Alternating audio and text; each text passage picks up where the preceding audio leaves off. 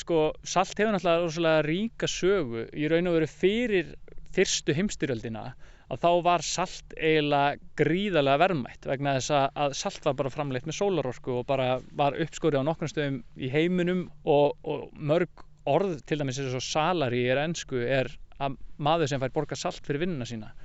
Og soldier er maður sem hann berst fyrir salt af því að salt var í raun og veru bara munavara í raun og veru minni mig að salt og gull hafi á ákveðnum tímabili verið jafn verðmætt í raun og veru í augum fólks.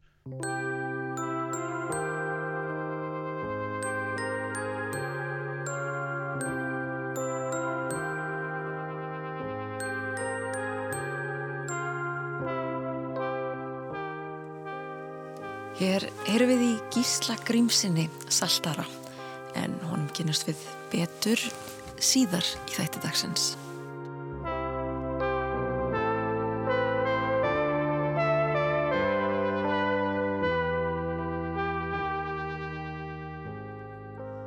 Þú ert að lista á glans og í dag höldum við áfram með stutt þáttaröð sem að hóst í aprílmánuði þessa árs við förumiljustendur á tímaflag.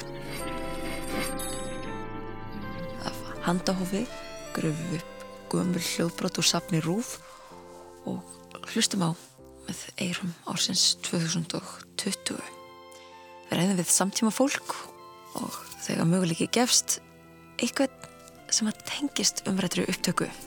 Við flökkum fram og tilbaka, hingað og þangað, veltum fyrir okkur því stóra í bland við það smáa. Við rifjum upp misáhrifaríka atbyrði, horfin og óhorfin æfiskeið, sögur sem að stertu marga í einu, persónulegar sögur sem að stertu aðeins fáa, jafnvel aðeins einn. Við heyrum rúletti hljóð og það þýðir að nú hefjum við tímaflagg dagsins.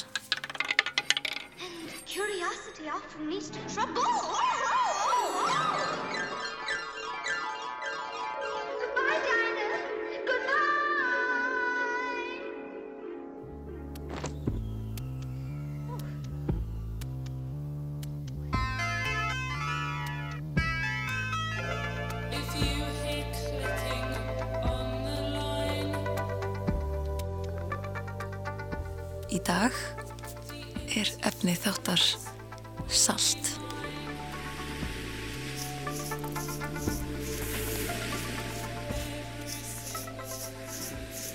Á steinluta átjöndu aldar var starfrækt saltverksmiðja í Reykjanes í Ísafjörðardjúpi.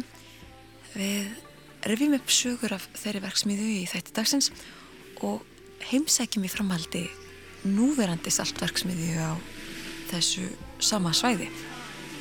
Reynd verður að skilja hvernig saltið er nákvæmlega unnið. En á vestfjörðum er nefnilega notast við já, annars konar aðferðir til þess að vinna saltið en við svegarum heiminn.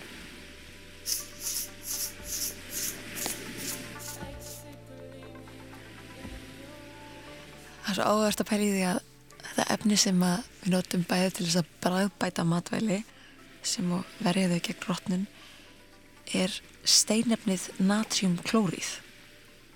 Mér hættir oft til þess að hugsa um saltið sem krydd en þetta er náttúrulega eitthvað miklu meira en það. Þetta er eitt af grunnbrögðum bræðskensins og eitthvað sem er lífsnauðslegt manninum. Maðurinn lifir ekki af ánsals en heldur ekki ef hann neytir of mikils salts. En betur landlegnis mælir gegn því að saltneisla fullóðina sem er en 6 gram á dag. Það samsvarar 2,4 grömmum af natrium á dag. En það er einmitt þetta natrium, annar helmingur efnarsamansendingar saltsins sem það er nöðsynlegu þáttur í virkni taugabóða og vöðvastarðsemi og við heldur einnig réttum osmotískum þrýstingi í líkamannum. Mikilvægi salsins er kannski ástæðan fyrir því að saltið hefur stundu verið kallað besta guðskjöfin og sem er leiðis kannski ástæðan fyrir því að Jésu ákvaða að kalla lærisveina sína saltjarðar í time.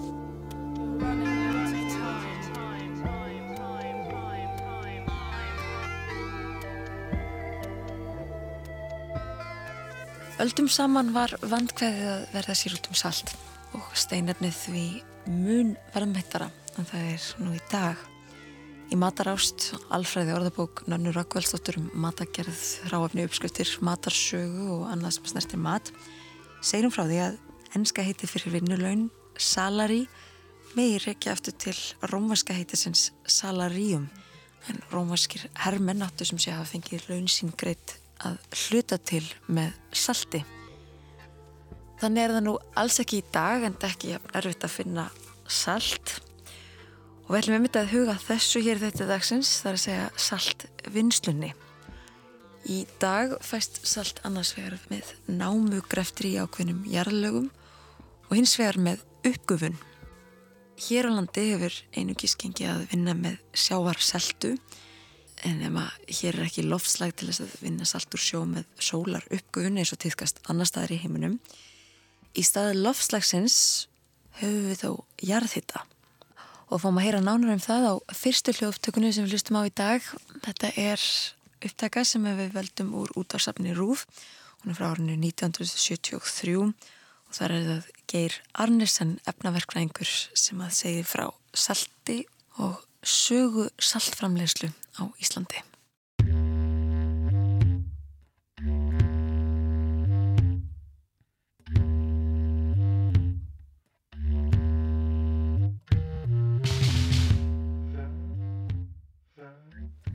Heimildir um saltgerð og saltneyslu hér til forna eru svo fátæklegar að mjög lítið verður ráðið af þeim með vissu en norðmenn þekktu þó til saltgerðar áður en Ísland byggðist svo að líklegt verður að telja að landnámsmenn hafi flutt þekkingu þess efnis með sér hinga til lands í upphafi.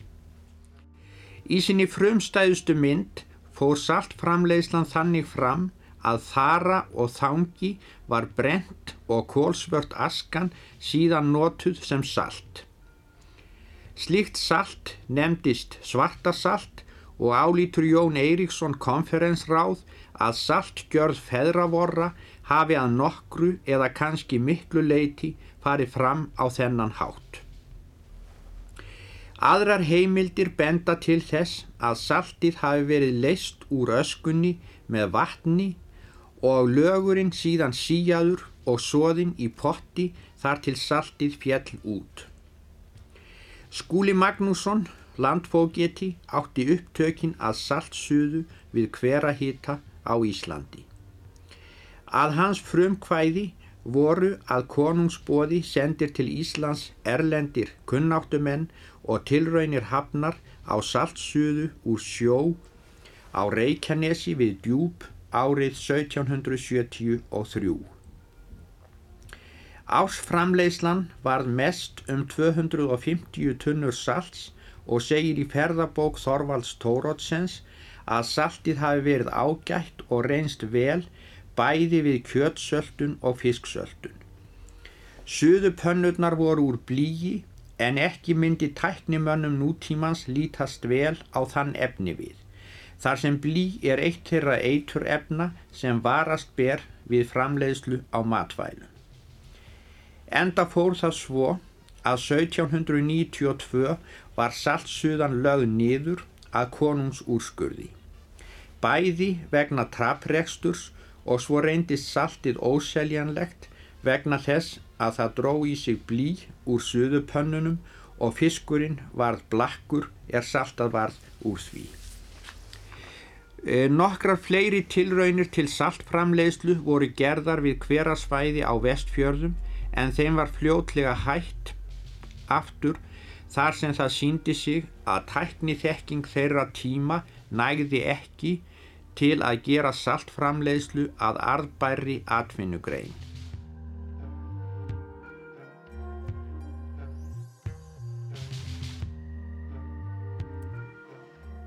Um svipaleiti og Geir Arnesen fjallaði um saltframleyslun á Íslandi í sunnudags erindi sín í útvarpinu þannig 1973 vann Ólafur Ragnarsson dagskrargerðamæður útvarpsins sjónvarsþátt um Ísafjörðar djúb. Þar rækt hann meðal annars sögu saltbrennslunar í Reykjanesi og það með aðeins ítalegri hætti. Sá þáttur nýtingar jarðhitans í Reykjanesi sem er hvað forvitnilegastur er saltbrennsla við hverahita sem þar fór framsemt á átjándu öld en stóð ekki lengi. Litlar minjar eru nú um það merkisfyrirtæki í Reykjanesi utan brot úr nokkrum múrsteinum sem komu upp er grunnur var grafin fyrir skólahúsinu og trérör eða trjástofn hólur innan sem er í byggðasafni vestfjarða. Múrsteinarnir mun upphaflega hafa verið úr húsum sem reist voru fyrir saltsöðuna sem hófst 7. september árið 1773. Konrad nokkur Volter, einn af ráðamönnum fyrirtækis sem hétt Valur Saltverk, fór það ár til Íslands að ráði konungs og kom í Reykjanes. Í förmið honum voru saltsöðumadur, múrsveitn, timburmadur og Jón Stúdent Arnórsson, síðar síslumadur í Ísafjörðarsíslu, en Jón átt að læra saltsöðuna til þess að hann geti setna haft umsjón með verkinu. Þessi menn reistu hér hinn nöðsynlegustu hús, lögðu leiðslur að þeim og hófu saltsöðu á þremur múruðum pönnum. Á næstu árum var fyrirtækið aukið og þegar saltvinnslan stóð með mestum blóma í Reykjanesi voru þar fimm söðuhús, tvö þurkunarhús, tvö dæluhús, tvö íbúðarhús, stórt salthús og geimsluhús fyrir sjó þar sem sagt var að sjórin hefði verið geimdur í stóru trógi. Fyrstu 16 mánuðina sem vinslan fór fram fengust þarna 75 tunnur af salti sem reyndist ágætt bæði við fisk og kjötsöldun. Árið 1776 voru gerðar ímsar tillögur um endurbætur og aukningu á saltbrennslunni og eftir að námur áðið í Kaupmannahöfn hafi fallist á þær voru reist fleiri hús í Reykjanesi. Sömuleiðis var útbúnaður allur til starfseminar aukinn og varð framleiðslan mest um 100 tunnur á ári. En þar kom að fyrirtæki þetta reyndist of kostnaðarsamt í samanburði við þær tekjur sem það gaf af sér og lagðist niður eftir 13 ára starfsemi. Saltvinnslan sem átt að vera liður í áallum dönsku stjórnarinnar til að ráða bót á emd og vesaldómi Íslendinga fyrir tveimur öldum heyrir nú sögunni til og þetta fyrirtæki er fjarlægt ferðafólki sem reykar um í Reykjanesi. Við félagarnir gleimuði líka fljótt þegar kvöldhúmið leggst yfir Ísafjörðin og okkur byrtast draugalegar klettamindir í nesinu.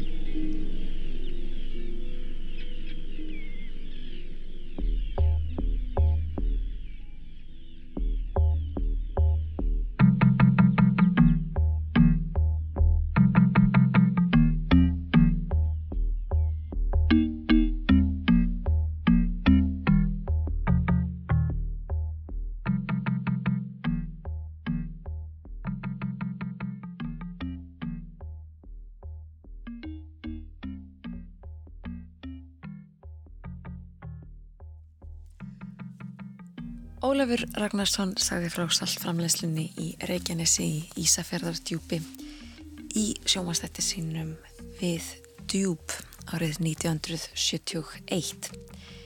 Eins og hann sagði var saltframleyslunni hætt árið 1786 þar sem að tækniþekking þeirra tíma nægði ekki til þess að gera framleysluna að arðbæri atvinnugrein og var þetta forna saltframleyslu fyrirtæki í Reykjanesi fjarlægt ferðafólki sem að reykaði þá um Reykjanesið.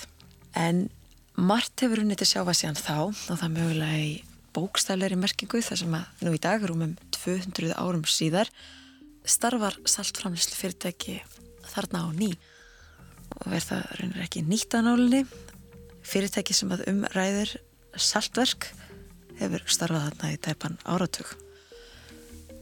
Það er fælt hugst til þess að áhugin og saltframlegslu og getan til þess að framlega er að segja breytt og bætt tækni hefur gert það að verkum að nú tveimur öldum síðar verist takast að framlega salt með nýtingu jarðhitans þarna á svæðinu.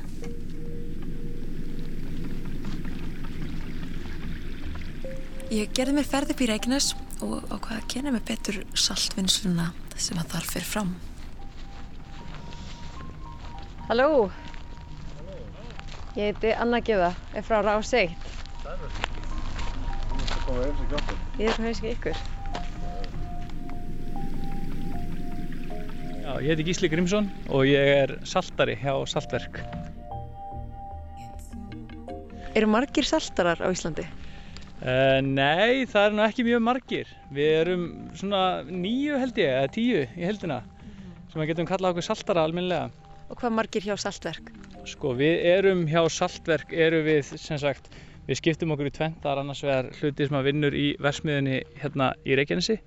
Það eru uh, fjóri til fimm og svo erum við fjóri til fimm sem að vinnum sem sagt í dreifingu og sölu uh, í Reykjavík, að skrifstofan okkar þar.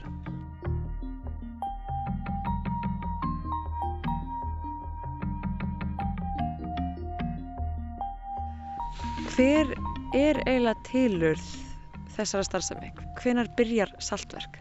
Sko, Saltverk er stofnað 2011 og hérna stofnandinn heitir hérna Björn Steinar Jónsson og hérna hann á samt félagum sínum bjó í Kaupmannahöfn á þessum tíma og þeir fóru bara eitthvað svona, þetta var svona e, í framhaldi af þessum kreppu árum svo kallu sem að þeir svona er eitthvað að spjalla og, og eru allir miklu svona matgæðingar og fara bara eitthvað að pæli því að, að hérna, af hverju sé ekki framleitt salt á Íslandi þá var hann vinnandi eh, hjá IBM sem rekstraverkfræðingur og fannst það alveg gríðarlega leðilegt að vera bara eitthvað, eitthvað lítið tannhjól í risastóri vel. Og langaði að gera eitthvað sem að, að hérna, hann sæi eitthvað afurð og fara eitthvað að rannsaka það að, hérna, að framlega sjáarsalt með því að nota sagt heitt vatn og, og reykjanesverður uh, fyrir valinu. Meðal annars vegna þess að hér voru sögulegar heimildur um að hafi verið saltvinnsla á, á átjönduöld og sem að sem sagt, danska konungsbúin rak á þeim tíma og þá var á Reykjanesi sem sagt var saltvinnsla sem að menn unnu í uh, að leittu sem sagt heitt vatn undir stórar blípönnur og voru að framlega salt til útflutnings á saltfiski. Er þetta óalgeng aðferð sem sagt að vinna salt upp úr heitu vatni?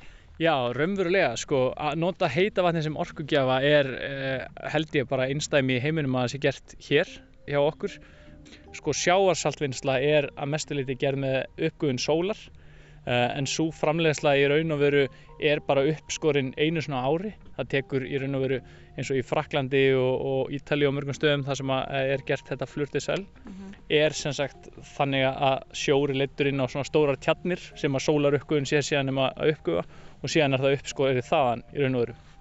Hér í raun og veru framleiðum við salt að hverjum degi allan ásins ring að því að við erum í raun og veru bara með nægan orkugjafa sem er heita vatni á Reykjanesi. Þar að leiðandi erum við að uppgufa sjó allt árið umkring mm. og við notum sem sagt heita vatni sem kemur hérðan það þegar að, að björnum þeir komið hérna þá sem sagt var þetta heita vatn bara að leka út í sjó í raun og veru. Og það sem þeir gerðu er að þeir leittu sem sagt heita vatni í, í fiskikar og leittu smíða svona stóran uh, pott í raun og veru og settu heita vatni í fiskikarrið og sjó í pottin og það tók viku fyrir 200 grömma salti að vera til. Og þá var það svona ok, þetta er hægt, nú þurfum við bara að skala þetta upp. Og núna í dag eru þessar saltverkpakningar sem að fórst út í búð þar eru 250 gramma pakningar sko þannig að, að það var ekki ein pakning sem var framleitt hérna í fyrsta skipti sko.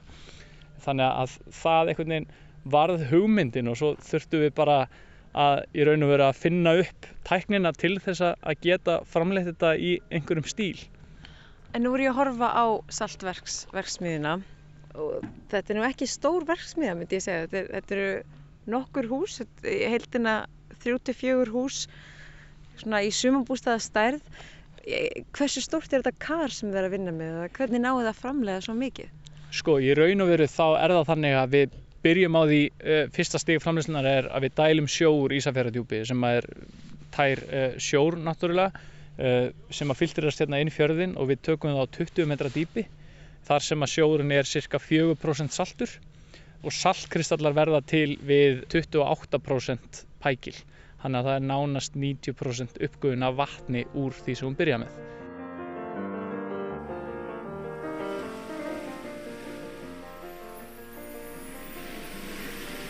Við leiðum þennan 4% pækil inn í stóran tank sem er um það byrjum 300 rúmmetrar og við notum þar svona stóra eiginlega mætti kalla handklæðaopna sem við leiðum heitavatni í gegn og, og byrjum að uppgufa þar.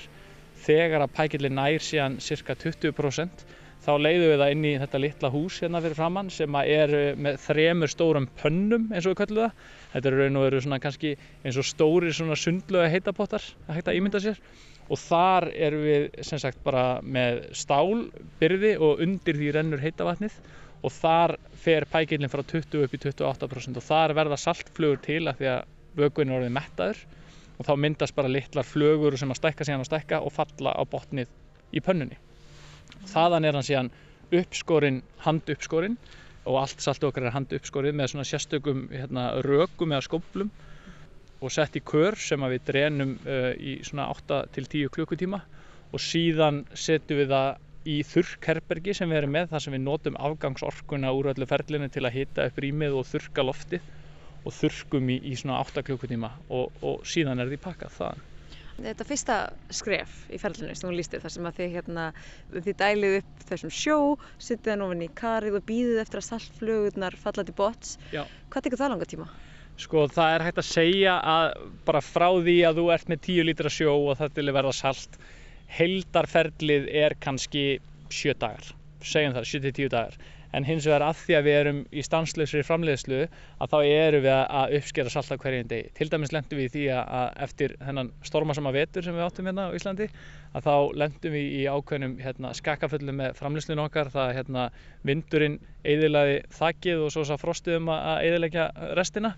Þá lendum við í því að þurfum að taka hérna, framleiðslu stopp í smá tíma meðan við vorum bara að laga vinslun okkar og svo þegar við kerðum það aftur upp að þá tók það okkur svona tvær vikur frá því að við fylltum alltaf sjó og þar til við vorum byrjuð að uppskera saltið aftur í raun og veru sko.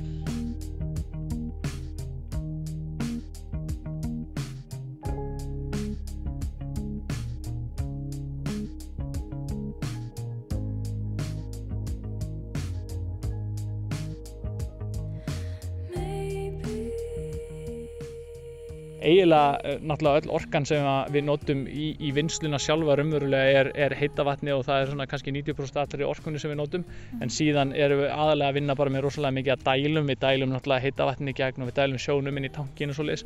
Þannig að það er svona bara almenn viðhalsvinna sem er náttúrulega partur af, af vinnudeginum. En síðan uh, búum við það að við hérna, flytjum vörunar okkar sjálf yfirleitt til Reykjavíkur þannig að, þannig að, að við keirum það yfirleitt fram og tilbaka líka og, og hérna Þannig að það að vera saltari er ekki einskorða við það að uppskera salt, það er ímislegt annað sem að, sem að kemur upp á. Og það er eiginlega stæðan núna. Við horfum hér á bíl sem er að fara að ferja nýjasta saltinu Já, í já, bæ. já, þreymur brettum af salti. Þetta salt er, er reyndar alltaf að fara í útflutning til Danmerkur.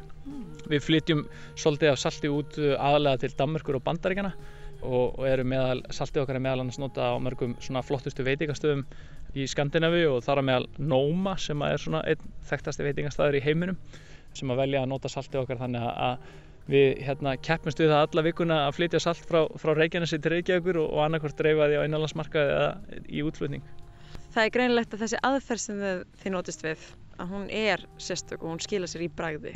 Jú, í raun og veru má segja það vegna þess að- að þessi aðferði í raun og veru hæg sjóðum sjóin, hann er cirka 60-70 gráður, sem sagt pækillinn og, hérna, og líka í raun og veru bara rávaran sjálf sem við erum að nota sem er sjórin í Ísafjörðardjúpi og, og, og margir heimsfrægi kokkar hafa sagt að, að bragðið af saltverksalti sé sérstakt vegna þess að það innihaldi nána svona umami bragð sem er oft sagt vera svona 50 bragðilaukurinn sem er í raun og veru svona saltbragð sem að finnst til dæmis í þörungum og, og fiskisósu og, fleiri þannig hlutum. Þannig að, að margir eru mjög hrifnir að nota þess vegna vegna þess að það er í raun og veru ekki mjög beist, það er mjög mildt saltbragð og, og, og gefur uppliftir matnum Umami, nú hef ég aldrei hitt þetta áður.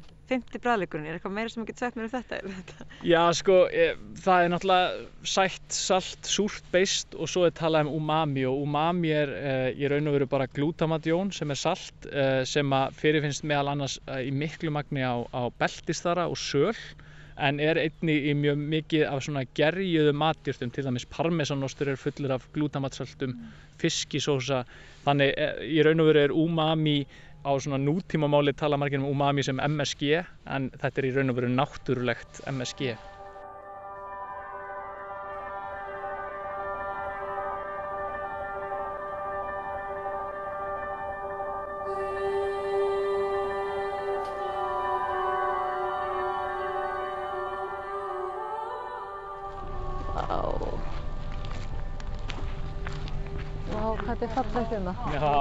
galið. Þetta er ótrúlegt.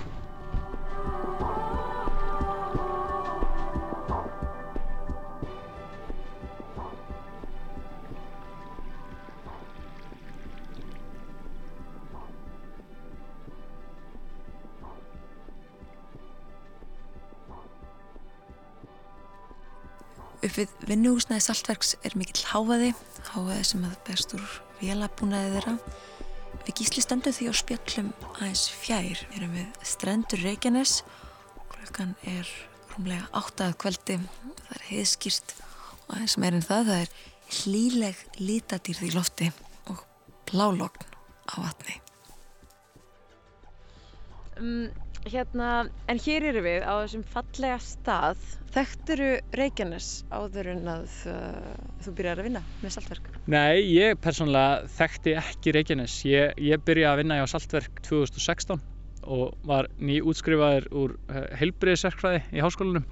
Þegar ég kynnist bytnisteinari, ég hafi verið mikið í að vinna á veitingastöðum og í veitingabransanum og ég svona, svona séða fyrir mig hvað mér langaði að gera. Að vera hjá litlu fyrirtæki sem væri sjálfbært og í matvalegina og einhvern veginn kom Saltverk á silfurfatti í hendurnar á mér.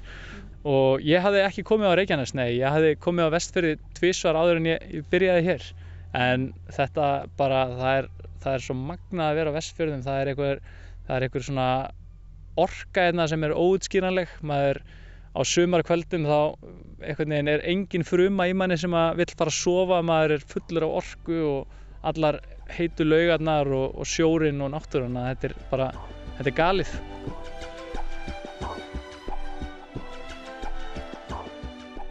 En þú sagðir að, hérna, að þið dælið upp sjó úr 20 metra dýpi. Nú erum við hérna við sjóin. Já. Það er vantalega þessi sjór, er það ekki? Jú, jú, bara hérna á djúpinu. Við tökum það bara hérna í raun og veru. Þetta hérna í fjörunni er starfsmannahúsið en við starfsmannahúsið eru tvær sjódælur og hérna eru uh, barkar sem að liggja hérna fjögur, 400 metra langir af því að, að það er mikla grinningar hérna alveg í fjöruna þannig að við þurfum að hafa rosalega langa til að ná að þetta dýpi. Ástæðan fyrir að við þurfum að fara að þetta dýpi kviknaði vegna þess að einhvern tíman voru við bara framlega salt og bara allt gekk vel og allt, allir í stuði og svo bara hérna komu leysingar þannig að snjórum fór að brána og hérna og allt í nú voru bara með fullan tanka af sjó og það kom ekkert salt og við skildum ekkert hvað var að gerast þannig að við byrjum að taka seltumælingar á hverjum degi. Og þá sáum við að sjórin, tankunum var fullur af sjór sem var 1% saltur og það gerðist vegna þess að ferskvatni í snjónum sem er í fjöllunum hérna allir kring það hafði bráðnað og ferskvatni flýtur ofan á saltvatninu. Og þá vorum við bara að dæla hérna úr fjörunni eða þannig séð bara á eitthvað 5 metra dýpi. Uh, og þá áttum við okkur á því við gerum mælingar á hverjum einasta degi á öllu kerfinu seltust í að því að í tankinum stóra erum við með 5 hólf þar sem við reynum að, stakka skipta seltu eða sem sagt eh, pæklinum hversu sterkur hann er. Og þá fórum við að taka alltaf mælingar líka á seltustíði í sjónum. Og þá sjáum við það bara alltaf að þegar að leysinga byrja þá lækkar seltustíðið hérna í fjörunni. Og þar að leiðandi þá hérna, þurftum við að byrja að taka sjóina meira dýpi að því að um leiðu er komin fyrir neðan 10 metra dýpi að þá ferðu að komast í svona meiri svona stabílan sjó hann, hann blandast ekki svona mikið með ferskvatni ferskvatni næri ekki að það dýpi þar að leiðandi erum við einhvern veginn búin að tryggja það að við erum alltaf að fá 3,54% seltu á þessu dýpi Ég skildi. Og sjórin almennt, hver er svona hefðbundin saltprósenta sjós?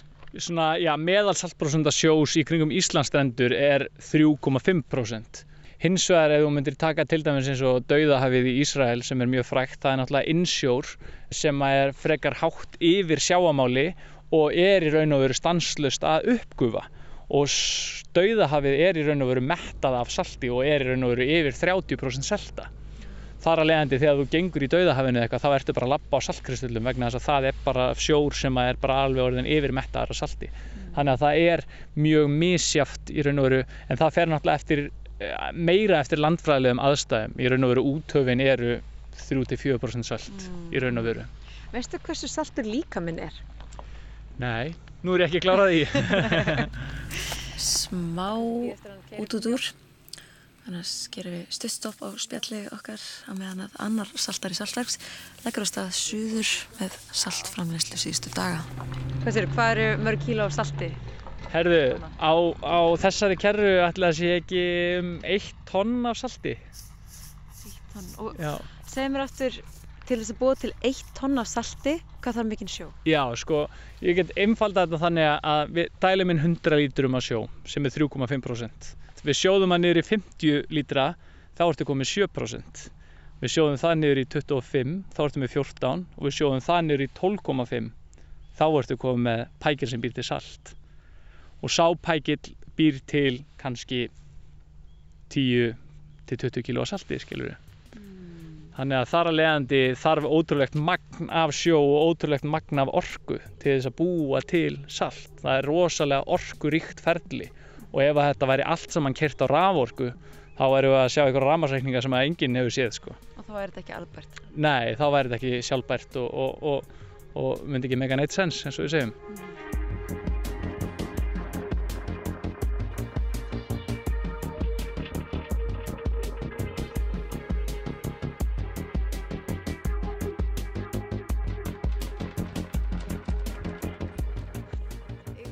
Göngum nú í áttað verksmiðinni en Gísli syndi mér saltframleiðsluna. Hefur séð kvikmyndina Salt með Angelina Jolie? Uh, ég byrja að horfa á hana, mér finnst það svo leiðilega hætti. En horfður á hana að því að þú ert saltari? Hugsaður, mm, þetta getur verið áhugavert fyrir mig. Nei, ég held að hún hafi verið komin löngu áður en ég varð saltari sko. Já, ok.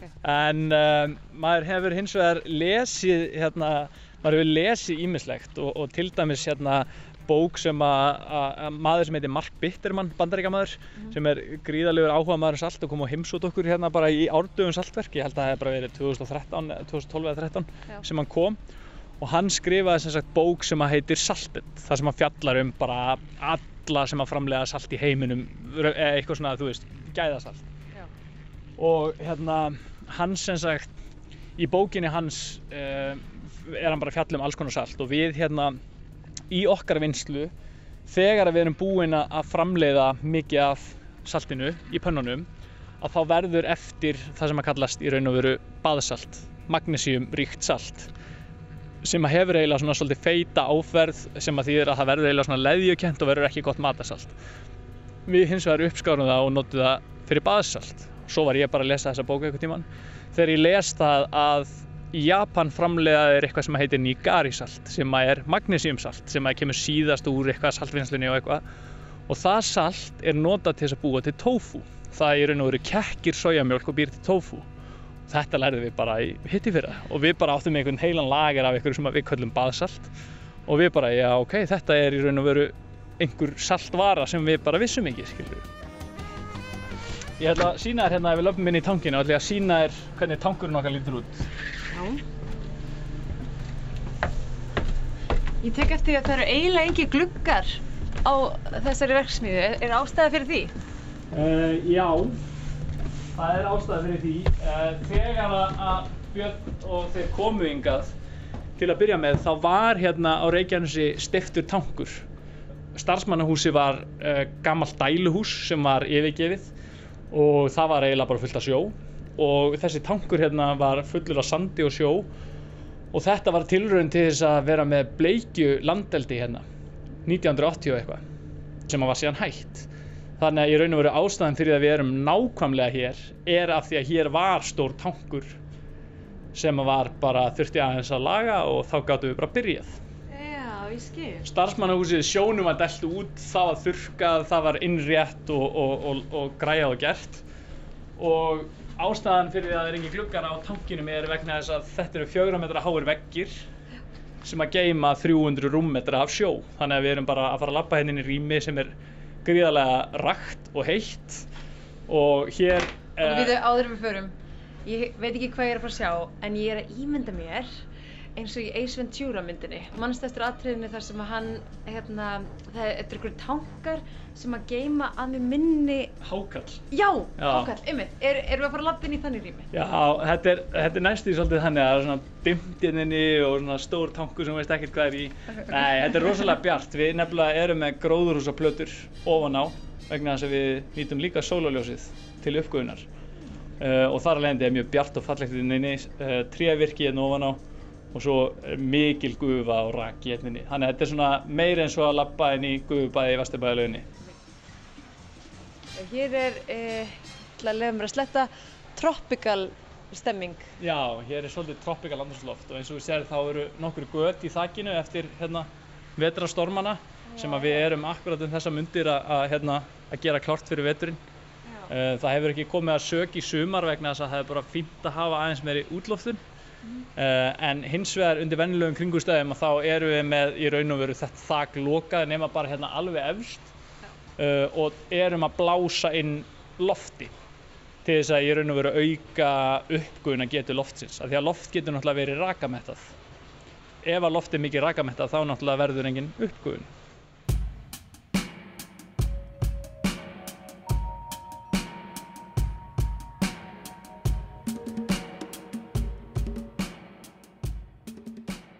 Er þetta skemmtilegur business?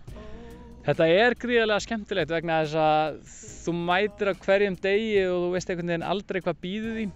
Uh, ég verandi staðsettur í Reykjavík eh, að, að, að mestöldlu leiti að þá, þá hefur það komið fyrir að, að, hérna, að maður var símdal og bara sjódælinn er byluð og þá er það bara það er bara svona eins og að fá útkall í björgunarsveitum það er bara allir út í bíl og bara með hérna, skiptileikla og það er bara bruna vestur og keirum bara hérna mér finnst orðið að keira á Reykjanes sem að tekur tæpa fjóra klukkutíma mér finnst það að vera eins og korter sko. Það verður einhvern veginn því ofta sem þú ferð því stýttri verður ferðin sko. Kanti leiðina algjörlega utan að? já já ég held ég geti kert þetta í þóku allan tíman sko svarta þóku það er, það er einmitt svona við, við, erum, við erum lítið fyrirtæki við erum start-up mætti kallast eh, þó að Saltverk sé að verða já, bráðum tíu ára gamalt. Og hérna og það, það mætti segja það að, hérna, að það er einhvern veginn allir sem að, maður þarf að hafa marga hatta og tilbúin í að gera ímislegt því að að mestu leiti sinnum við öllu sjálfi, sinnum sölu og markastarfi og dreifingu að rosalega miklu leiti eh, sjálf. Og, og sérstaklega þegar við byrjum að flytja til bandaríkjana að það ákvaða við að gera það eh, sjálf. Eh, þannig að þetta er, þetta er mjög svona lærdómsríkt ferli vegna þess að það sem er líka áhugavert við þetta er að við erum að finna upp einhverja aðferð til þess að framlega salt. Ef að þetta væri hvað sem er annað og verður að gera súrdegsbrauð eða súkulega eða eitthvað og þú ert allt í hennu komið eftirspurn við, við, við, í, í, er alveg sama hvað við framleiðum mikið, við seljum allt sem við framleiðum. Og allt í hennu er eftirspurnin orðin kannski 15 tonn á mánuði en við getum bara framleitt 10 á mánuði þá þurfum við bara að reyna að uppgöta leiðir hvernig við getum bestað eða auki framleiðsluna. Vegna þess að, að þetta er ekki svo einfalt að ef þú væri bara að framleiða súkulega eða súrdegsbrauð og það bara er keft þúsund brauð á dag og svo allt í um 2000 þá kaupir bara þrjá hrærivilar viðbútt og tvo opna skilur þannig að skölunin í þessu er gríðarlega flókin vegna þess að við erum bara hverjum degi að reyna að finna upp ok, hvernig getum við aukið uppgununa af því að svo eru svo margt sem spilar inn í ég menna veðri spilar inn í, rakastíði í loftinu spilar inn í. Suma daga uppguðar helling og aðra daga ekki og, og þar að leiðandi höfum við við erum í stanslusri tilrauna starfsemi og við raun og veru prófum á smáum skala og ef eitthvað virkar þá skulum við upp og ef það virkar ekki þá förum við í næstu tilraun. Þannig að það er ekkert að segja að þessi vinna sé einhæf. Nei, nei, það er eiginlega mjög langt frá því.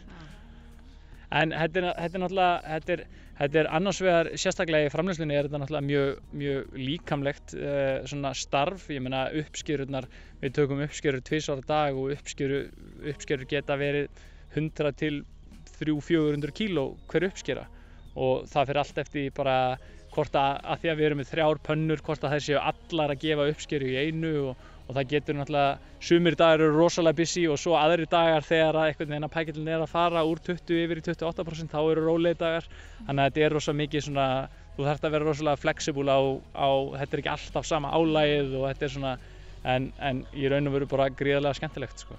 Það er að vera andlega tilbúin líka til þess að, að verða fyrir vonbriðum kannski eða Já, eða að, að það verði ekki kannski ekki allt eins og þú bjóst við. Já, já, ég held að 2020 sé nú dæmi um það að maður þarf að vera tilbúinn að verða fyrir vonbröðum og, og hlutinir er ekki eins og þú býst við að þið verði en hérna en hins vegar er það, er það þannig að, eh, til dæmis eins og á veturnar þá er náttúrulega á vestfjörðum eru gríðarlega erfið hérna, veðurskilirði og, hérna, og, og það að, þurfa að berjast við það og, og finna út úr hlutunum svona einhvern veginn as you go by það er bara það, er, það getur verið mjög krefjandi en mjög svona, svona gefið mikla viðurkenningu líka að, að einhvern veginn að sigrast á, á hérna, því sem að kemur upp á í raun og veru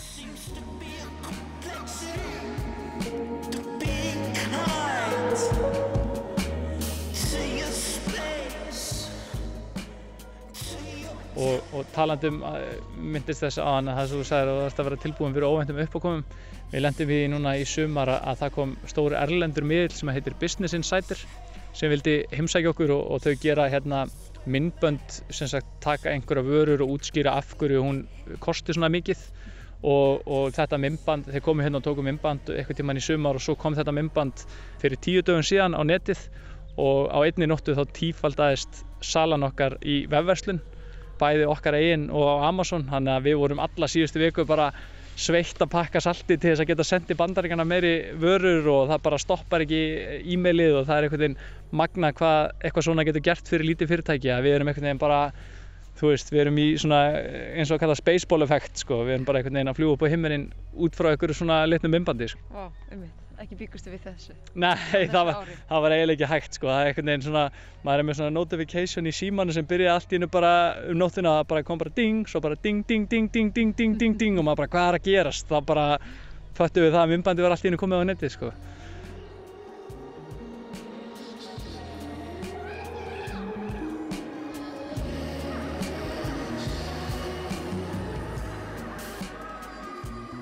Er eitthvað eftirminnilegt sem að hefur skeð hér? eftirminnilegt, það eru nokkri hlutir einhvern tímann hérna þá lendum við í því að, að sagt uh, sjólögnin okkar sem er svona mætti segja ósæðin í, í hérna fyrirtækinu að hún, hún hérna brotnaði í einhverju vetaverðinu og við þurftum að koma að laga hana og þetta var í, alltaf þetta hafi ekki verið í byrjun mars, fyrstu vikun í mars og við keirum hérna með hérna gummibát yfir allar heiðar og hérna það voru veist, allar heiðar fullar af snjó og klaka og við komum inn og setjum bátinn út í sjó og ég var í þykkum blöytbúning og málið var að af því að hún hafði rofnað frá ströndinni þá þurftum við að leita af sjólögninni og ég þurfti bara einfallega að setja mig snorkul og kafaragleru og fara í blöðbúning og svo var ég dregin, sko ég held í bátinn og einhver sildi bátnum meðan ég var á kafi sem sagt að reyna að leita að sjólögninni og svo finn ég að það er eitthvað að rekast í hausin á mér að þá voru það svona stórir klakar sem að flutu í Ísafjörðardjúpinu sem voru rekast á hausin á mér sem sagt. Þannig að, að alltaf kemur maður upp í bátinn og spyr hvað hérna hver er aftur starfslýsingin á saltari? Er, það, er þetta í því eða þú veist að vera sjódrein að vera kjöldrein að leita sjólögninni þannig að það var, það var uh, virkilega eftirminnilegt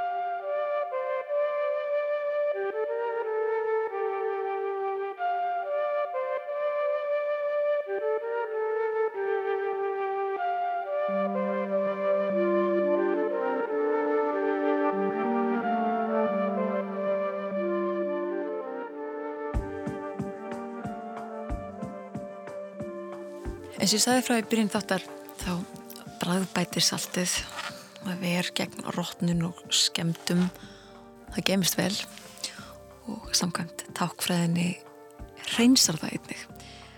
Allt eru þetta eiginleikar sem að hafa ítundi þá trú að saltið byggi yfir töframætti eins og Símon Jón Jóhansson orðaða í bóksinu um hjátrú Íslendinga í hennu daglega lífi fyrir og nú. Þar segir hann einnig að Saltið tákni hið varanlega, hið trygga, það tákni visku og skinnsemi. Í latínuritinu Hieroglyphica frá árunni 1586 segir meðal annars þetta hér um saltið. Salt var áður fyrir tákn vináttunar vegna geimslu einleika þess. Það þjappar efnum saman og varðveitir þau yfir langan tíma. Yfirleitt var salt bóðið gestum fyrir matinn til þess að það gefði kynna trausta og endingar góða vináttu. Þannig að það er ímislegt jákvætt sem að verðist tengja saltinu. En eins og með flest allt þá getur saltið snúist upp í anstæðu sína verið slæmur fyrirbóði. Það er til dæmis sagt að ógæfan eldi þann sem að hellir salti niður á mataborðið og eins og sjáum á í tákmynd sem að meðal annars Leonardo da Vinci stuttist við er hann málaði síðustu kvöldmáltíðina. Fyrir framann Júdas í þeirri mynd liggur til dæmis saltbaukur á hliðinni sem sagt tákn um sveikans við Jésu Ég barðindi gísla og spurði hann hvort hann þekkti þessar tákmyndir saltsins eða menningasögu saltsins Já, já. Er þetta eitthvað sem þú þekkir eða er þetta eitthvað sem þið ræðið þér? Já, sko, við, hérna, jú, jú, við höfum alveg talað um þetta. Í raun og veru mætti kannski draga, sko, salt hefur náttúrulega rosalega ríka sögu. Í raun og veru fyrir fyrstu heimstyrjöldina að þá var salt eiginlega gríðarlega verðmætt vegna þess að- salt var bara framleitt með sólarorku og bara var uppskorið á nokkrum stöðum í heiminum og, og mörg orð, til dæmis eins og salari er ennsku, er að maður sem fær borga salt fyrir vinnuna sína. Og soldier er maður sem hann berst fyrir salt af því að salt var í raun og veru bara munaðvara í raun og veru minni mig að salt og gull hafi á ákveðnum tímabili verið verðmætt í raun og veru í augum fólks. Og síðan gerist það í fyrri heimstyröldinni að þegar menn er að bóra eftir olju að þá finna er saltnámur. Og svona neðansjávar hella, ja, sem sagt innsjávar hella í raun og veru og, og mikið af, af, af þá í raun og veru bara fjall salt í verði vegna þess að þá var hægt að fara að framleiða svo mikið e, í raun og veru það sem kallast yðnaðasalt sem er bara námusalt og, hérna, og mikið af salti til dæmis eins og það sem þekkist þetta bleika Himalaya-salt og, og, og bara í raun og veru bara gróft salt er í raun og veru svona hellasalt sem er, eh, sem er eh, námað sko. en það er náttúrulega bara gríðarlega stór vélbúnaður sem að heggu bara í ykkur að kletta og það bara er alls konar sem að kemur skilur þannig að, við höfum oft talað um þetta. Það er reyndar, það er í einhverjum íslenskum sögubókum talað um saltvinnsluna sem var hérna á, á átjöndu öld. Og þá er einmitt eitthvað minnisblað frá síslumanninum á Ísafyrði til sem sagt uh, Danakonungs sem að segir að, að, að þetta gangi nú ekki að þau þurfu að setja þessu ákveðnar reglur. Að, að sem sagt að saltari megi ekki kvænast og megi ekki eiga börn vegna þess að það tekur aðteglin hans frá því að uppskera salt. Og einhverja ákveðnar reglur að það gengi nú ekki að þeir drikju áfengi eða væru með mikinn félagskap vegna þess að þeir ættu bara að einbytta sér að saltuppskeruna, þetta væri erfitt starf og þeir þyrfti að vera hraustir menn og, og mætti ekki vera trublaðir af, af lífsins gæðum vegna þess að, þetta var svo mikilvægt fyrir þau að flytja út þetta salt sko. Myndi líka þessu við presta. Þetta, Já, já, þetta var alveg bara einhvern svona gríðarlega heilagt starf sko og, hérna, og það átti einmitt við hérna um saltarana sem að voru hérna.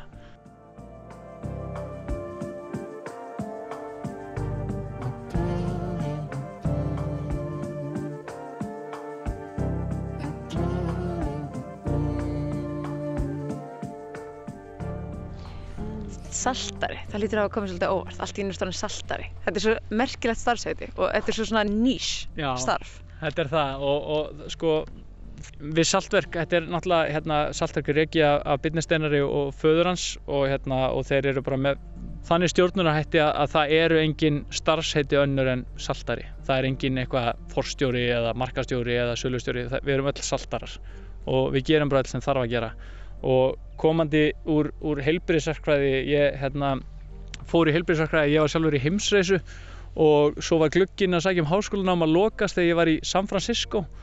Og þetta var svona uh, ég fer í heilbyrðisverkfræði og hérna án þess að- að gefa því mikla hugsun en ég hugsaði bara já verkfræði verið sniðugt. Og það sem að, að ég læriði aðalega á því var bara að hérna það sem að lærir er basically bara þú færð heila stúdfulla verkfæratösku af hvernig þú átt að leysa ykkur vandamál. Og hérna ég persónulega þegar ég var að klára háskólanámi þá var ég alveg orðin svo þreyttur á því að eða mörgum klukkutífum ég að skrifa ykkur jöfnur og blað sem að fóru svo til einhvers sem að enda svo bara í ruslinu eitthvað og ferði ykkur engun og mér langaði svo mikið til þess að geta bara nýtt þessa krafta til þess að gera eitthvað sem var spennandi og eins og ég sagði að ég hafi verið að vinna í veitingabransan, ég var að vinna á veitingastöðum og, og hérna er mikinn áhuga á, á því, er meðal annars meðeigandi að veitingastað á Hlemmi sem heitir Skál. Og hafði einhvern veginn, mér langaði að vinna einhvað tengt matværagerðunum en mér langaði bara ekki að vera kokkur.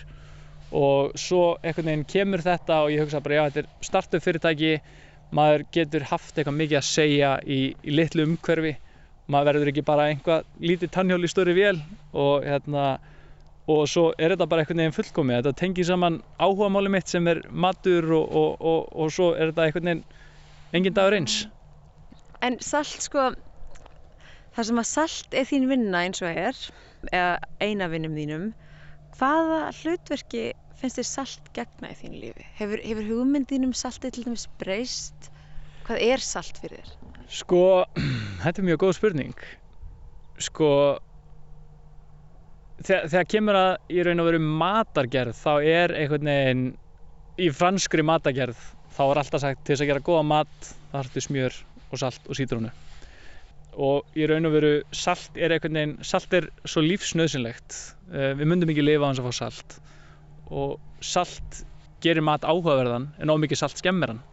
Og matur án salts er óáhugaverður og í, í svona en í endaðu degi þá er svo stór partur af lífinu okkar sem að snýst um mat að, að, að eitthvað svona lítið og í augum margra salt er bara salt þá er það samt svo ótrúlega töfrandi að, að það sé bara eitthvað steinefni sem að getur breytt upplifuninni svona svakalega.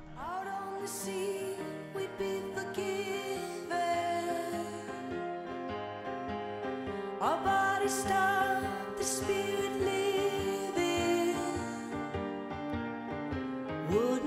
Love.